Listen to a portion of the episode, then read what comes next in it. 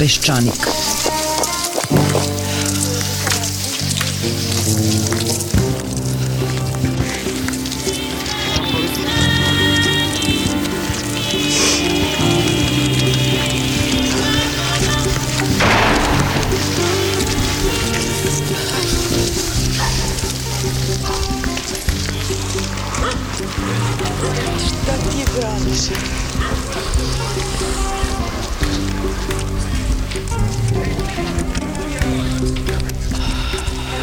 Peščanik.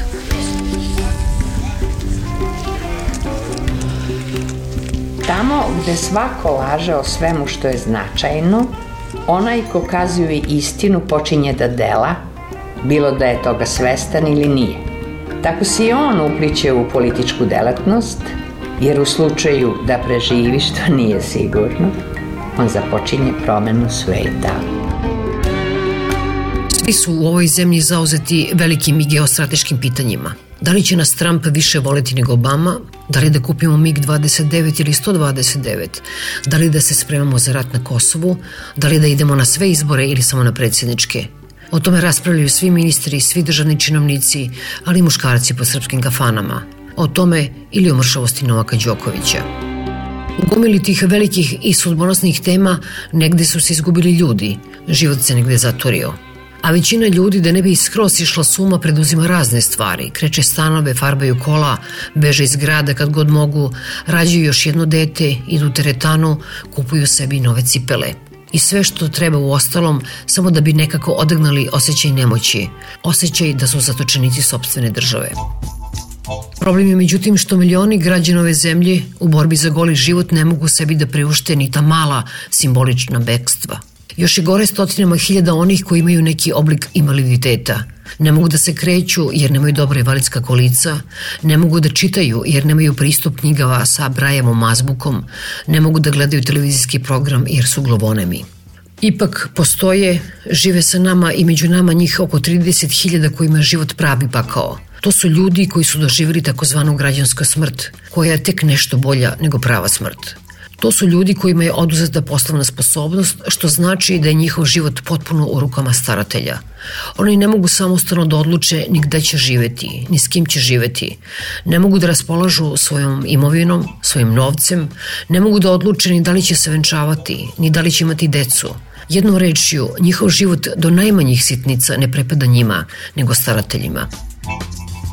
Veoma često ti ljudi decenije, pa i ceo život provedu u institucijama za koje ponekad čujemo u vestima kada se desi neki tragičan događaj, a te institucije su po pravilu daleko od sveta, od nasilja u kojima žive takozvani normalni ljudi.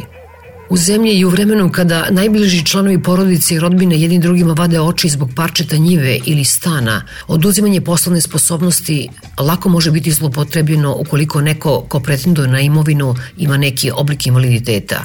Ostala rodbina može da pokrene postupak oduzimanja poslovne sposobnosti i da se na taj način oslobodi konkurenta za neku imovinu.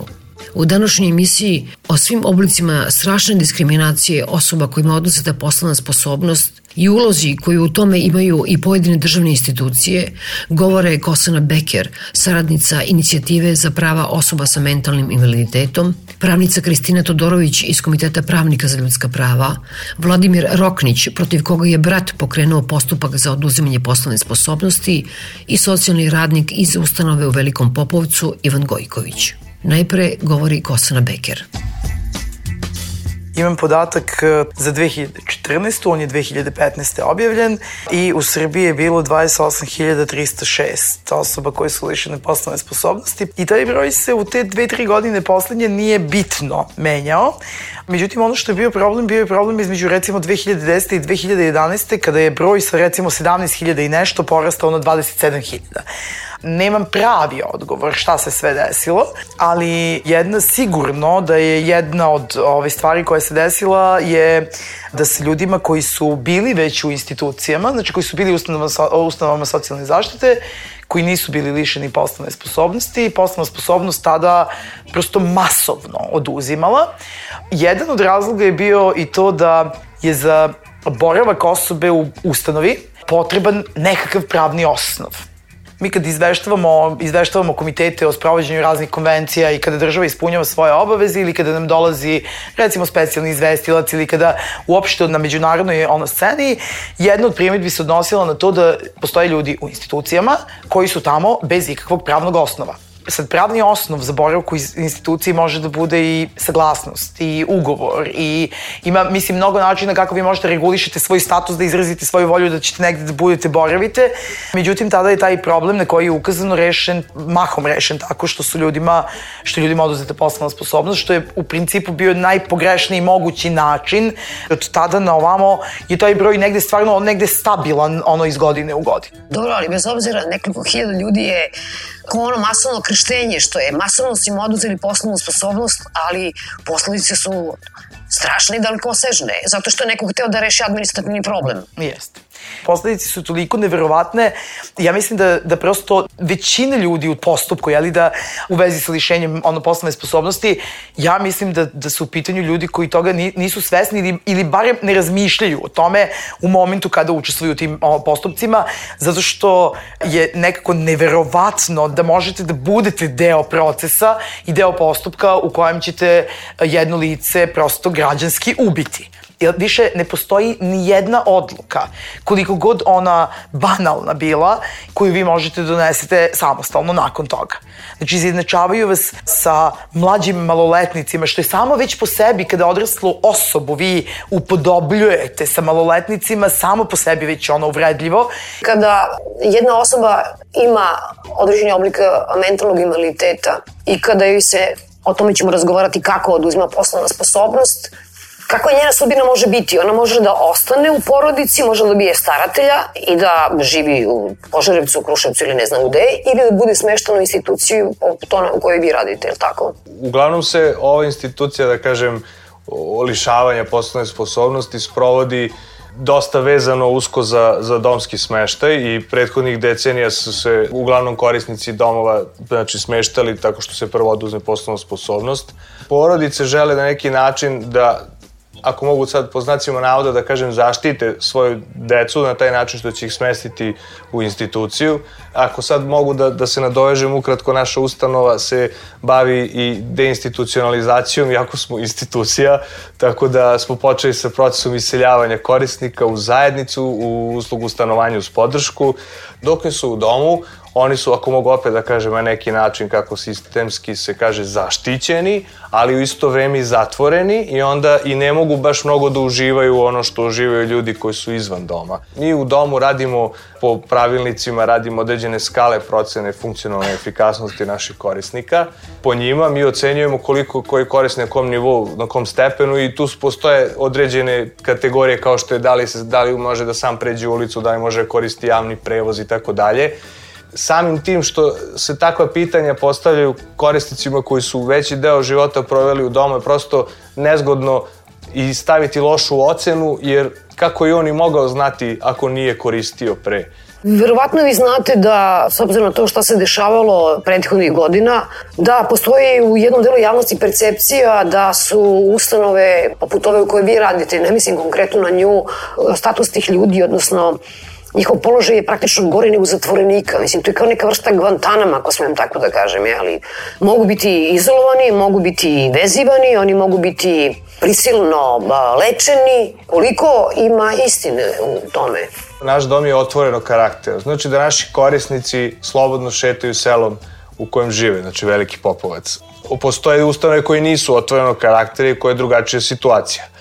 Nemam informacije o drugim domovima, Ono što smo mi delili kao iskustva, mi smo to odmah u praksi ispravljali. Imali smo serije obuka, ja moram da kažem da smo više proveli na obukama nego na terenu vremena gde smo sa inostranim i domaćim stručnjacima upravo razgovarali na te teme gde je bilo mnogo i otpora i među nama da prosto shvatimo šta je to taj pravi put ko, koji je potreban u ovoj praksi savremenoj.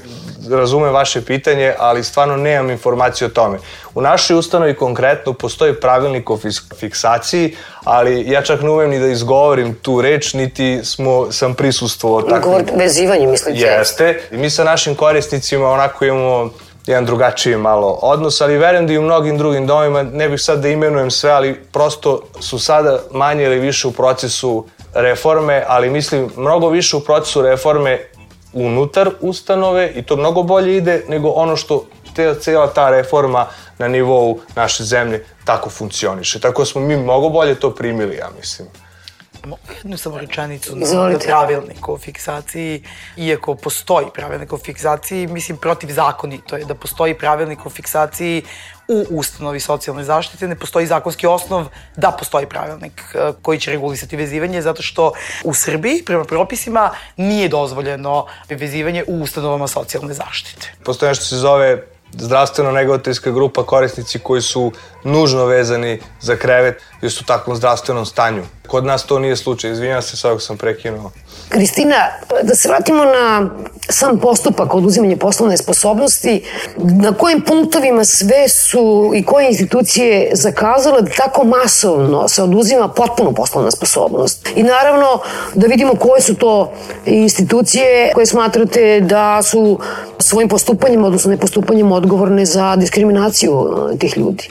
Pa ja bih na prvom mestu navela Centar za socijalni rad i na drugom mestu sud, naravno. Centar za socijalni rad kao predlagač Ja sam u nekom od prethodnih gostovanja kod vas donela jedan od tipičnih predloga za lišavanje poslovne sposobnosti koji ne sadrži nikakve elemente koje zakon o vanparničnom postupku predviđa. Dakle, tu oni se baziraju samo na određenoj diagnozi koja datira da li od ove godine ili od 10 godina unazad, a na drugom mestu to je sud koji se automatski vezuje za nalaz i mišljenje veštaka. Dakle, veštaci su zapravo ti u ovim postupcima koji donose sudske presude, odnosno rešenja. Dakle, sud je taj koji ne, ne ulazi u suštinu samog problema, već se apsolutno svoje, svaku svoju odluku bazira samo na nalazu i mišljenju veštaka koje su jednorodne, istovrsne u svakom slučaju. Različite je samo i lični podaci o korisniku ili podaci koji se odnose na određeni problem, zdravstveni problem koji odnosno lice ima. Pravo da predlože oduzimanje poslovne sposobnosti nekome ima porodica, rodbina i slično. Tako. I centri za socijalni rad. Koliko se ja mogla da vidim, masovno zapravo, ljudi koji se obrate centru za socijalni rad dobiju neku vrstu socijalne pomoći, završe, završe tako što je, tako i, i pošalju ih u instituciju. Tako, ne nužno da ih šalju u instituciju, ali ih apsolutno šalju on, automatski u postupak. Jer oni na, tako na tom ličnom kontaktu preko šaltera ili kako već u kontaktu sa korisnicima procene, jel te, da je ovom milionom potrebna pomoć podrška, kako god, i iz najbolje namere, recimo iz humanih razloga, oni njih pošalju u sud da bi se našao neko ko će o njihovim interesima da vodi bolje računa nego što oni to sami rade. Iako je ta odnosna osoba svesna toga da je Centar za socijalni rad nadležan da izda socijalnu pomoć ili bilo koju drugu vrstu pomoći, Dakle, osoba se snašla da nađe pravi put do ove, izvora pomoći da bi završila na kraju na sudu u postupku koji može da traji po nekoliko godina, evo o tome može i vlada malo da prokomentariše, e, za lišavanje poslovne sposobnosti gde se automatski dobija građanska smrt, kao što ste malo pre rekli. Da li ste vi ušli u postupak e, oduzimanja poslovne sposobnosti? Ko je to tražio? Koliko traje proces? Ja sam bio zdravo dete. Sa 18 godina vojnik S 20 godina sam oslužio vojsku. Sve advokate sam prošao sa 25 i po godina. Kolega protiv kolege neće, lekar protiv lekara neće, sud protiv suda neće i ništa ne mogu da učinim. Ja krvavo dobijam sporove i niko sporove neće da realizuje. I šta sad? Ja sam lud u glavu, lud u mozak, a oni su pametni koji gube sporove. Ja bih samo da, da napravim, on je imao ove, parnicu, ostavinsku raspravu zapravo u spor sa tim polubratom, koji je trajao jako dugo, što je vladu prilično opteretilo i ove, na kraju je završeno u njegovu korist. E, u toku te parnice brat je pokrenuo, odnosno polu brat je pokrenuo i postupak za lišavanje poslovne sposobnosti. To je bilo od kad? 2012. A, to je bilo unazad četiri godine. Četiri godine. 2000... Pokrenuo je polu brat, a posle Centar za socijalni rad, učestvuje u tom zločinu, socijalni rad, psiholog, onda palata nepravde, tužilaštvo, pa se vraća milici, pa se vraća tužilaštvu, pa se vraća u centar za socijalni rad, pa na prvom osnovnom sudu. Predmet se vrtio u krug. Kristina, ti zastupaš vladu, da, da, da. Oni pokušavaju da mu oduzmu poslovnu sposobnost, polubrat. Da mi oduzmu imovinu i nekretninu i da me nasilno strpaju u ludnicu, u ludaru, buvaru. Veštaci su napisali samu laž o meni. Imao sam profesora, doktora psihologije koji je pobio to njihovo da, u prigovoru koji su napisali, U prigovoru koji su napisali da. na ovaj nalaz i mišljenje veštaka, on je osporio njihove argumente. I ja sam napisao prigovor na veštačenje i ja sam da. ih oborio. To što pišu veštaci, to je kriminal. Ovako pišu psihijatrijski. Dijagnoza 295. Odmah vam prišiju dijagnozu 295. Ja nisam mogao da idem u vojsku bez psihijatrijskog lekara. Ja nisam mogao da se penzionišem bez psihijatrijskog lekara. Na prvom mestu je ta dijagnoza. Dakle, bilo koja vrsta dijagnoze koja se veštacima na prvom mestu, a samim tim i studiji, učini mogućom da to bude spre, sprečavanje određene osobe da donosi odluke o svom životu, to je to. To je problem veštaka, odnosno problem sudija, tačnije koje se bespogovorno zapravo oslanjaju na odluke veštaka i to oni i ne kriju. Dakle, MDRI je zajedno sa Beogradskim centrom za ljudska prava i ne samo oni, dakle, radio neko vrstu istraživanja koje je pokazalo da sudije praktično ne vide ljude kojima će zauvek promeniti život, je li tako? 2011. 12. kada je rađeno prvo to istraživanje, na jednom stvarno velikom uzorku, bilo je preko hiljadu odluka je skupljeno, ispostavilo se da sud Sudija, sudkinja, nije video osobu čije poslovne sposobnosti odlučivao 87 od 100 slučajeva. A u zakonu postoji odredba koja kaže da će sud lično saslušati osobu i onda ima neki izuzetak. I onda se kod nas Izuzetak pretvorio u pravilo. Izuzetak pretvorio u pravilo, smo došli do toga do 87% ljudi, što je neverovatna brojka. I to sa veštačenjima je isto interesantno, pošto kao sudijama veštaci služe da im reše neka pitanja o kojima, za koje sudije nisu kompetentne i okej okay, ne može svako da bude, mislim, ne možemo svi da budemo stručni za. Ono što je problem u našem zakonu je da se traže veštačenja koje su medicinska, Ali ono što je tu sad ključno sa tim nalazima ovi veštaka je da vi u stvari, šta nama veštaci kažu? Oni nam kažu, oni nam opišu medicinsko stanje, daju diagnozu, daju, eventualno kažu koja je terapija i to. I to je u redu, ja isto ne mislim da sudija treba da osporava, pošto neće sudija posle prepisivati lekove toj osobi, ali da ostaje jedna e, nepokrivena, jedna prosto paleta važnih životnih stvari o kojima sud treba da odluči, a koji se nekako zanemare i prenebrignu kada vi imate veštačenje propisi su neljudski, ja bih tako okarakterisala. Naš zakon o vanparničnom postupku traži, različito je za slučajeve delimičnog i potpunog lišenja poslovne sposobnosti. Dakle, da osoba nije u stanju da se stara o sebi i svojim pravima i interesima ili da ugrožava svoje prave interese. Ali zbog bolesti zbog, da. ili smetnju psihofizičkom razvoju. Dakle, postoje dva uslova i oni su kumulativni. I veštaci šta rade? Oni se uhvate tu bolest ili smetnju u psihofizičkom raz, ovaj, razvoju i tu se sve završava. Vi nikad ne dobijete odgovor od njih kako to ta osoba ugrožava, čime vi to potkrepljujete. Dakle, mi nemamo taj drugi uslov koji je kumulativno potreban da se osoba liši potpuno ili delimično poslovne sposobnosti. Navodi se samo priča o toj i toj bolesti. To je kao priručnik iz, ne znam, neuropsihijatrije ili čega već i ne dobijete ništa kako se to odnosi i kakve to veze ima sa ponašanjem određene osobe, kako to utiče na njegov, njen život, nego dobijete samo informacije o bolesti od koje određena osoba boli i jedan recimo životni primjer na tu temu, pošto je za delimično lišenje, na primjer, jedan od, od uslova ovo što, ovo što smo sad čuli da taj neko neposredno ugrožava svoja ili tuđa prava interese. Mi smo recimo u tom istraživanju a, naišli na a, jednu odluku gde iz obrazloženja možete da vidite da su znači iz porodice neko iz tog prvog reda koji može da pokrene pokrenuo postupak za lišenje poslovne sposobnosti protiv jedne žene 67-8 godina zato što je uplatila sebi banju i otišla u banju sa prijateljicama. Ja se ne šalim uopšte, a to nikada nije radila pre toga i tako je prosto ugrožava, jeli, troši ono kućni novac i, i tako dalje i tako dalje. I to vam je stajalo u obrazloženju. To naravno nije pravilo, uglavnom nema toliko, duboko se ne ulazi, obično bude stane kod dijagnoze, ali imajući vidu da kod ove žene nisu, mislim, nije bila nikakva ono dijagnoza. Mislim, žena je otišla prvi put u svom životu u banju, onda je postupak bio ono pokrenut za lišenje. Prva stvar je što je u ovom postupku, za razliku od nekih drugih postupka, meni je sad žao ono, ovo, ja stalno prebacujem na pravni teren, ali je, mislim, važno zbog toga što se u ovim nekim postupcima prosto krši i zakon, koji i ovako je onako loš, a onda ga još i kršimo u delu koji je nekako ono neverovatan. Nikome ne bi palo na pamet da vas u nekom drugom postupku ne sasluša i ne vidi. I druga stvar koja je vrlo važna i koja je specifična u odnosu na neke druge postupke, ali u ovom postupku piše da se veštačenje vrši u prisustvu sudije. To toga nema. Uglavnom, što nije slučajno, mislim, imajući u vidu kakve posledica, znači da bude sudija tu da sluša šta kažu šta ti šta pitaju, kako da može taj funkcionalno tu neku procenu koja je malo čas i kolega pričao, A kako izgleda? Uglavnom izgleda ono što, su, ono što ja znam i ono koje su moje saznanja, uglavnom izgleda tako što kada dođe do tog saslušanja, to bude par ono nekih pitanja koje su uh, uglavnom vezane za da li vrednost novca, nekih dnevnih stvari, koji je datum, kad su, pa onda nekad, nekad bude i nekih tako pitanja za koje kao ne razumemo zašto, ali ove, evo jednog našeg poznanika su pitali kad je počeo prvi svetski rat, pa je znao, pa je to sad bilo malo kao, Šta ćemo ovaj, šta ćemo sad kad zna? Kao da postoji tendencija da oni čekaju da nađu gde će taj da zapne, da pogreši i da kažu evo šta smo rekli.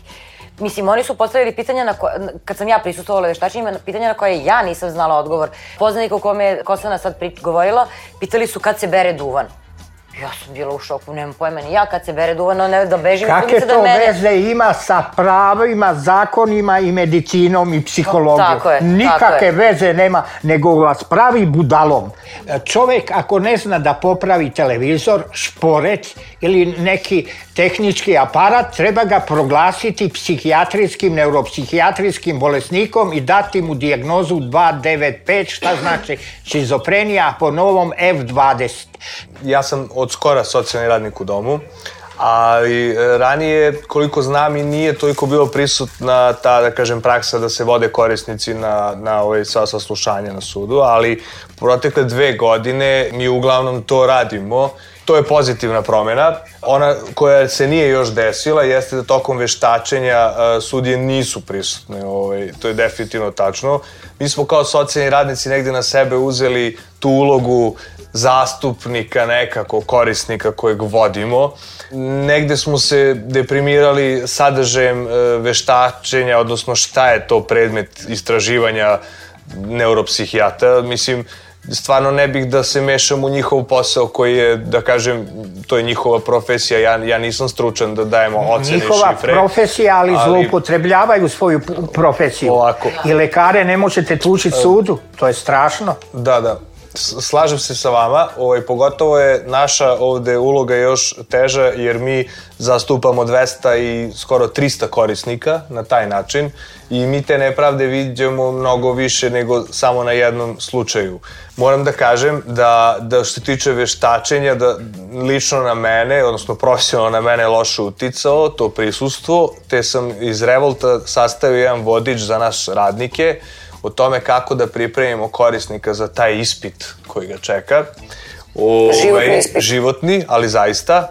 I on on se sastoji od seta osnovnih pitanja ime, prezime, godine rođenja, državu u kojoj živimo i tako dalje, do onih koji su, da kažem, trik pitanja, koje ja mislim da ponekad i mi ne znamo odgovore, kao čemu služi novac od poreza koji vi dajete? Pa taj može Zašto vladu služi? da ode odmah, ovi nisu iz vlade. na primer, mislim, to je Mogu da neko da ne od pitanja ko, ko, koji smo mogli da čujemo. A sa druge strane, ako i ne znamo koliko se, na primer, pakovanja žvaka može kupiti za 1000 dinara, ne znači da ne, da, ne smemo da imamo kod sebe tih 1000 dinara.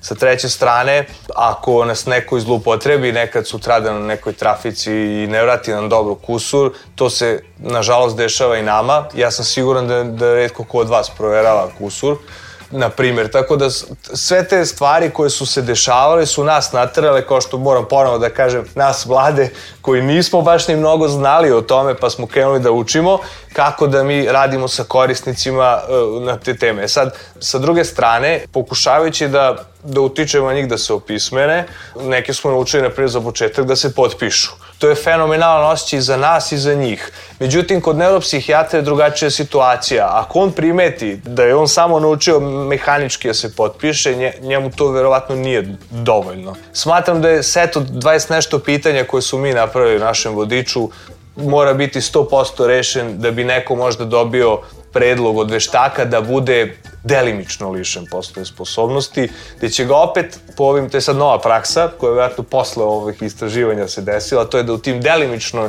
rešenjima koje je neko delimično lišen se navede da u principu, ali ne može to, to, to i to, uglavnom sve ono što mu uglavnom i treba. Znači da raspolaže većim količinom novca, imovinom, nekretninom i tako dalje. Tako da, u principu on opet dobije nešto što E sad, treba mu, nije da mu ne treba, ali i, i dalje ne dobije ono što mu najviše treba. Ja ne, ne bih sad do ni ovo razgovor pretvorio u bacanje kamenja na veštake, kao ni na sud i tako dalje, da samo bacamo kamenje, već kažem uvijek mi smo neka nova generacija koja gledamo kako da mi pređemo te probleme, poteškoće, da nađemo onaj pravi put za naše korisnike, mi kao socijalni radnici u domovima. Tako i kad je nepra, nepravda se desi i znamo da revizija traje na tri godine, i znamo da će tri godine još čekati, ali mi sad znamo šta barem da radimo tih tri godine. Oni generacije pre nas nisu ni žele da znaju, niti su znali. Gde biste vi, ukratko sada da rezimiramo, videli mesta gde su ljudi koji imaju različite smetnje u razvoju, gde su i od koga diskriminisani? Pa, pa to, imam bezbroj primjera, mislim, gde su diskriminisani.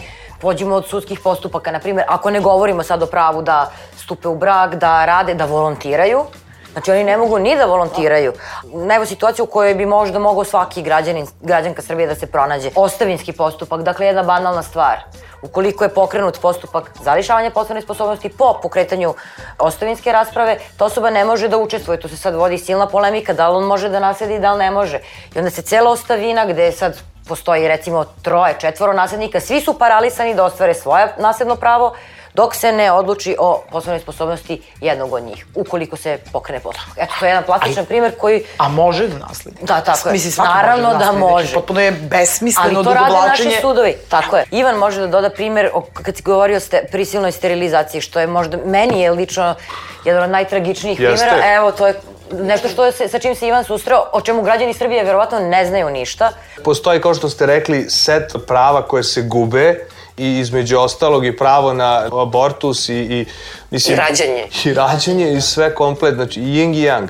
E sad, tamo gde po meni, ono za moje korisnike, gde ja vidim da je problem veliki, to je tamo gde oni ne mogu učestvovati ravnopravno u nacionalnoj službi za zapošljavanje, gde ne mogu ovaj, e, konkurisati za posao, nisu poslovno sposobni da sklope ugovor i samim tim bi u, u suprotnom, znači ako bi to uradili, oni bi prekršili zakon i automatski bi sam novac koji zarade išao na cenu njihovog smeštaja u domu. To je taj problem diskriminacije to je ono što kažem, znači ta linija nacionalna služba za zapošljavanja, E, ali opet ću kaže reći pozitivno, znači snage, snagama zajednice smo uspeli da naše korisnike radno angažujemo koji su na stanovanju uz podršku u mnogome na privatnim poslovima, u kontrolisanim uslovima, naravno gde poznajemo da, ili upoznali smo ljude gde radi i tako dalje.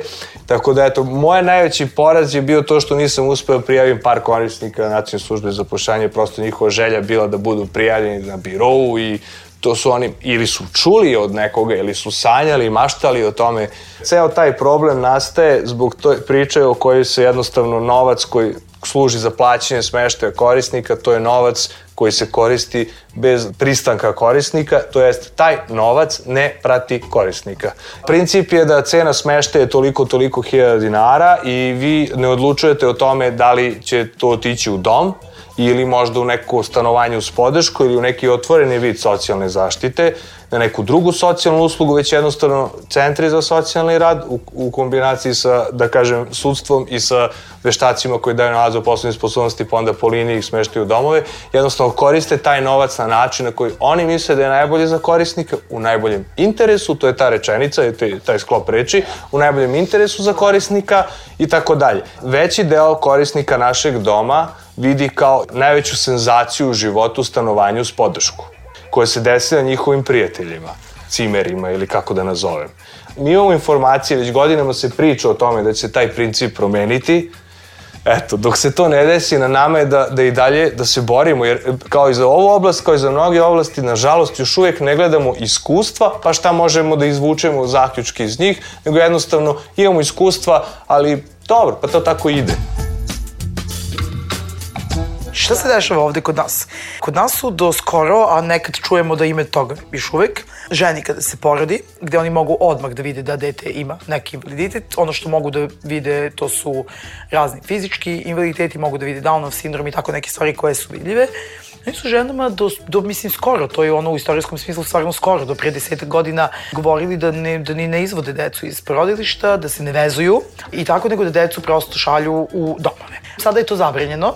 Prvo je zabranjeno to da rade, drugo je zabranjeno da se deca do tri godine smeštaju u institucije, osim ako se ne složi ministar, imamo smeštanje. Znači, uvek postoji izuzetak i uvek se neko desi da i, se iskoristi i izuzetak. Šta je dalje? Nama su deca, ne deca sa invaliditetom, ostajala van obrazovnog sistema, što je bilo suprotno svim mogućim zakonima, ustavima i tako dalje. Od 65. u ovoj prethodnici ovih zemalja bilo osnovno obrazovanje obavezno i besplatno.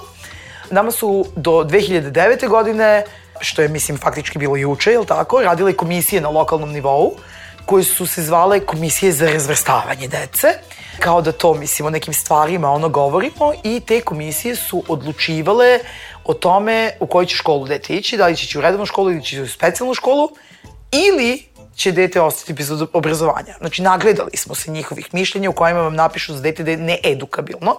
Znači, mi imamo jedan ogroman broj dece sa smetnjama koji nisu odškolovana. Nik, znači, nama je 2001. drugi, kada je UNICEF radio jedno istraživanje, bilo je da 80 i nešto od 100 dece koje su u porodicama živela sa smetnjama nisu bila, nisu ni u kakvom ono obrazovanju, a da ne pričam šta se, evo sad, sad nam se to isto dešava s decom koje su u domovima trenutno. Mislim, opet pričamo o deci sa smetnjama i deci sa invaliditetom.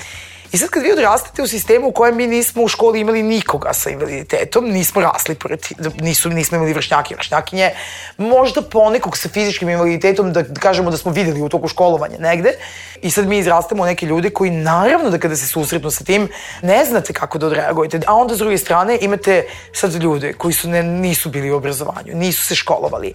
Mislim, vi sada i sa obrazovanjem, vi možete da imate problem na tržištu rada. A kad ste neobrazovani, niste uključeni u društvo na bilo koji način, sedite u nekoj instituciji ili domu, ili nije ni važno, sedite i kod kuće pa vas pa nemate gde, odatle nikada nigde niste bili. Pa prosto šta i da ponudite. Znači, to je jedno, jedan začarani krug, kao što ima mnogo začaranih krugova, koji mora da se razbija sa mnogo strana. I samo još jednu rečenicu koja se malo čest tiče ovih sterilizacija. Nadam se, svi znamo da su žene u Srbiji diskriminisane svuda i u svakom pogledu. I sad možete da zamislite kakav je položaj, znači žene sa invaliditetom, pa onda kakav je položaj žene sa invaliditetom u instituciji. E, tek je jedno istraživanje na tu temu krenulo, ali ono što su istraživanja iz drugih zemalja vrlo mala, upravo pokazuju ovo što sad sporadično se negde čuje, ali to je priča koja je, znate, u neformalno, neformalno čujete od nekoga, ali kad to treba zvanično negde da dobijete i da potvrdite, a to je da su žene u institucijama izložene specifičnim oblicima rodno zasnovanog, zasnovanog nasilja koje se odnosi na njihova reproduktivna, seksualna i reproduktivna prava, da su, kada su lišene poslovne sposobnosti, svakako neko drugi umesto njih donosi odluku.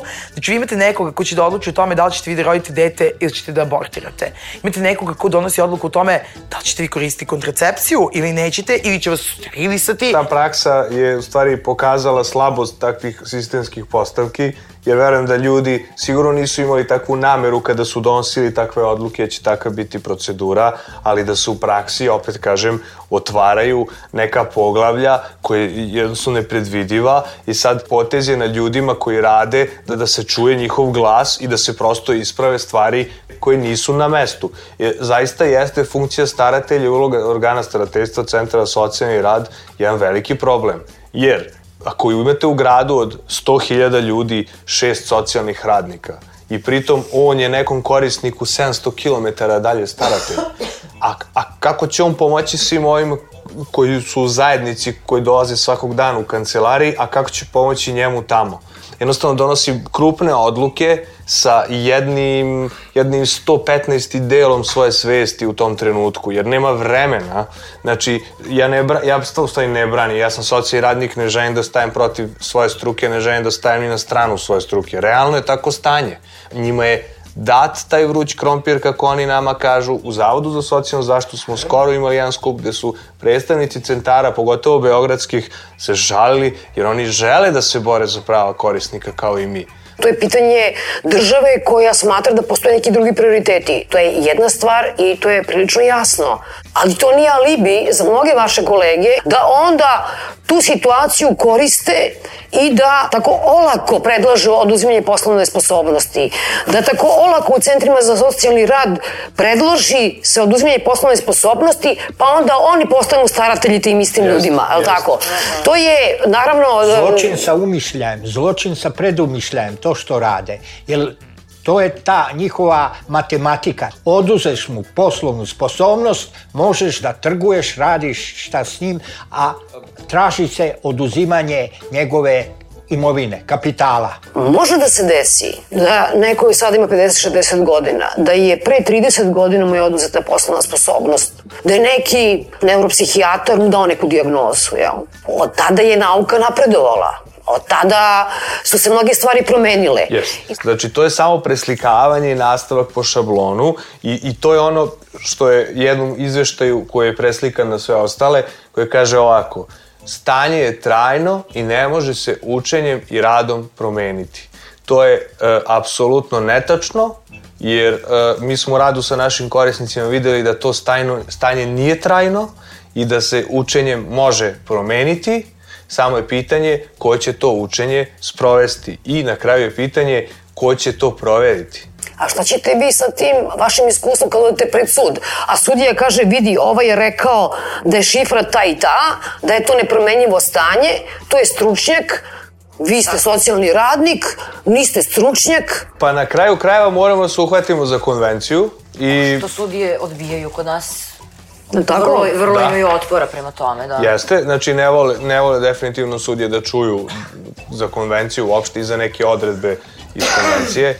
Takođe, hoću da kažem da je ta rečenica da je stanje trajno ne može se promeniti najbitniji moment u odbrani bilo koga od naših korisnika. Zaista, taj nalaz se ne razlikuje mnogome od čoveka do čoveka, a opet s druge strane u praksi se jako razlikuje.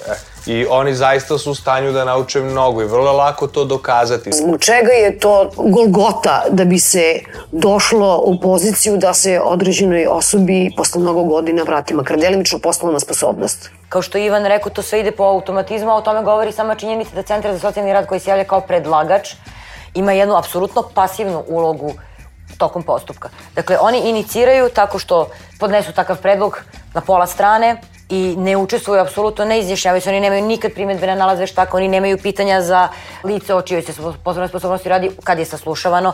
Ukoliko se do, pozovu svedoci, oni nemaju pitanja za svedoke, nemaju nikakve primetbe, nemaju nikakve prigovore. Znači, njihov samo taj jedan pomak da pokrenu postupak rezultira ishodom očekivanim. A vi sa druge strane možete da povezovete hiljadu svedoka i da donesete hiljadu dokaza i opet nekako prevagne ovaj zastareli sistem. Najbitnija stvar je zapravo da se izmeni ta odredba u zakonu o parničnom postupku, jer ja bih se vratila da, na naš ustav, da, dakle ako ne govorimo o konvencijama, nego ustavu, koji ja mislim 37 beše član, garantuje se ima poslovnu sposobnost. A i postoji član u ustavu, opet, koji govori da određena ljudska prava mogu da budu ograničena pod izuzetno restriktivnim uslovima u zakonu o vanparničnom postupku koja propisuje to lišavanje potpuno ili delimično, je po meni apsolutno diskriminatorna, jer ona osobe koje imaju određenu smetnju, bolest ili smetnju u psihofizičkom razvoju, oni stavljaju u ovu poziciju gde oni, iz koje oni ne mogu da izađu, ni uz pomoć centara socijalni rada, advokata i tako dalje. Dakle, sama dijagnoza je presuda. Prema posljednjim izmenama zakona o vanparničnom postupku predviđeno je da se na tri godine vrši revizija odluka. Dakle, po službenoj dužnosti se pokreće masa postupaka gde se preispituje da li i dalje postoje razlozi da to lice bude lišeno ili možda više ne postoje. Ali postupak se opet svodi na isto. Do, dođu isti veštaci i ispituju i opet daju op, opšta, sve se svedi na neka opšta mesta. U stvari se u tom sudskom pozivu već kaže utvrđuje se da se utvrdi da li i dalje postoje razlozi za lišavanje. Ali tako se zna, to je postupak. E. Ali ja, ja bih samo ovde dodala da je, da, da su propisi one i da su odredbe koje se nalaze i u porodičnom i u vanparničnom prosto loše, ne, nisu savremene, ne prate ove međunarodne standarde i da je ako nekoga lišite poslovne sposobnosti zato što ima invaliditet, a pročitate odredbu koja kaže da može da vam se vrati poslovna sposobnost kada prestanu razlozi Da. zbog kojih je osoba lišena, Znači, nelogično a ovo neće da vam prestane, onda, mislim, onda je jasno zašto se ne vraća poslovna sposobnost, ali iako to ne znam da li, da li uopšte može da se oceni kao neki, ono, ajde da kažemo ovako, jedan minijaturan pozitivan pomak. Ovo smo videli po, u poslednjem ovom istraživanju iz 2016. kada su rađena ta preispitivanja, kada su sudovi to morali da urade po službenoj dužnosti. Videli smo neke odluke kojih je, kažem, toliko malo da možda bi došle na te neke promile, do procenta ne bi stigle. Ima negde nekih sudija, nekih sutkinja koje su nešto od ovog svega e, prihvatili. I mi smo sada videli neke rešenja u kojima su vraćena poslovna sposobnost, malo, ima negde gde su delimično lišeni poslovne sposobnosti i ono što je zanimljivo je da imate situacije, na primjer, u kojima su neki sudije vraćali, na primjer, pravo na brak, pravo na glasanje, e, pravo, znači imate neka, neka bitna građanska i politička prava koja su vraćene, iako naravno ostane nešto što se uglavnom tiče imovine i raspolaganja naravno, novcem da. ili hospitalizacijama i odlučivanjem o lečenju. Ove godine u našoj ustanovi mogu da kažem da je otprilike oko 10% ročište se završilo polu pozitivno ili pozitivno po nas? Odnosno po korisnike, pardon. Da, bio je jedan slučaj na koji smo naišli u istraživanju, evo kao da kažemo životni slučaj, radilo se o čoveku koji je u momentu kada je ovo sada, kada je se radilo to preispitivanje, on je pre 40 godina lišen poslovne sposobnosti i bio je u instituciji sve to vreme. Veštaci koji su bili, dali nalaz, očigledno da su se potrudili i da opišu. Oni su stavili i te sve stvari koje se tiču dijagnoza, ali onda konstatovali su, na primjer, da on ne čuje dobro, ali da razume glasan govor. Pa su onda oni glasnije govorili da bi mogli da... I šta se ispostavilo? Ispostavilo se da on koristi kolica, ali on, on može sam, na primjer, da izađe iz kolica, da se prebaci na krevet i da može sam to da uradi, ne treba mu podrška. Onda se on tamo u tom domu snašao, pa onda on izlazi, pa onda kupuje neke, neke sitnice, nešto, pa onda se vrati nazad, pa priprodaje za malo, ma, kao malo, ono više, pa onda napravi novu turu, pa je onda organizovao prodajnu izložbu, recimo za 8. mart, pa je on to nešto prodavao kao da, e, okej. Okay. I sada oni su sve to opisali i tom čoveku je vraćena delimično poslovna sposobnost, ali hoću da vam kažem da on nije saslušan. I da je u obrazloženju pisalo da s obzirom na njegovo psihofizičko stanje, odnosno na činjenicu da je vezan za kolica, tako je pisalo, sud je odustao od saslušanja. Uprkos ovome svemu što je što su dobili u postupku za Pa ne, još bi mogli da ga komunalna policija da ga uhapsi zbog preprodaje uh, nelegalne i neplaćanja poreza. Da. Naravno, ponekad ako je stvarno kritično stanje, zdravstveno zaista i nije potrebno izlagati korisnika takvom riziku ali sa druge strane, ako su u pitanju samo kolica... A da vam kažem nešto, mi smo razgovarali e, isto ovim povodom sa nekoliko sudije visoko rangiranih koji su donali stotine odluka o oduzmenju poslovne sposobnosti i oni su otvoreno govorili da sudije veoma često, da bi izbegle susret sa tim ljudima, da traže mišljenje veštaka, da li je korisno i bezbedno po njega da dođe na sud, u nadi naravno da će ovi reći ne, tako da je kao trik korišćena u stvari taj tako mehanizam koji vi koristite. To je koji smo, o kojem smo malo pregovorili, koji postoji u našem zakonu, ali kao izuzetak koji se, nažalost, pretvorio u pravilo. Pretvorio u pravilo.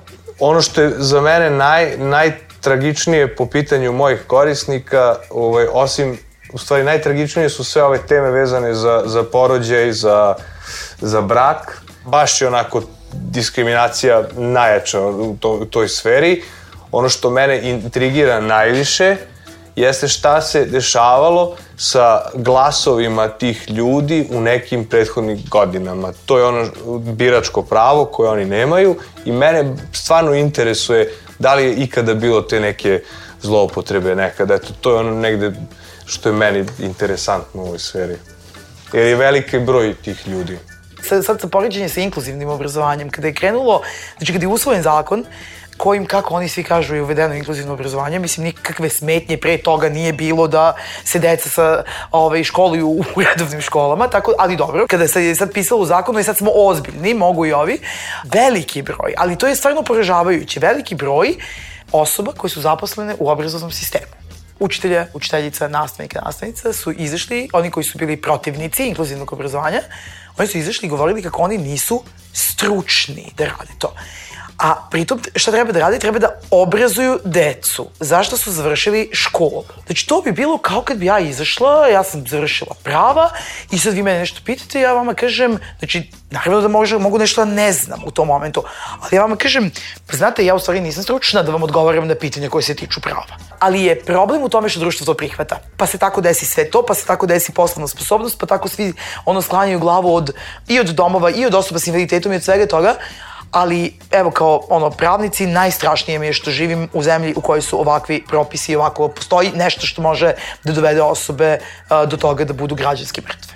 Jer evo ja kad pođem od sebe i da mi kažete sad evo oduzet ćemo ti jedno pravo, ti odaberi koje, Nema, nema. Znači, apsolutno mi je tragično da se ovo uopšte ovako sprovodi na način kako se sprovodi kod nas, umesto da se pristupi alternativi što upravo pred, predviđa i konvencija o, o pravima osoba sa invaliditetom, a to je sistem podrške ovim osobama.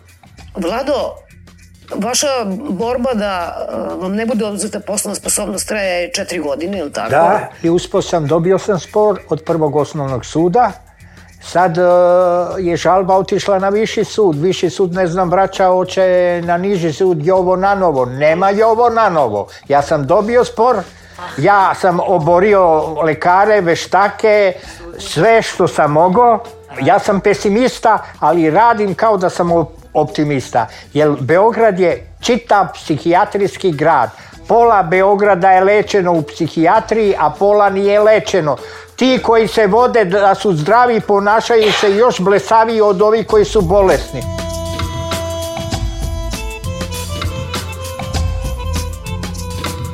Bio je Pešanik, pozdravljaju vas još uvek poslovno sposobne Svetlana Lukić i Svetlana Vuković.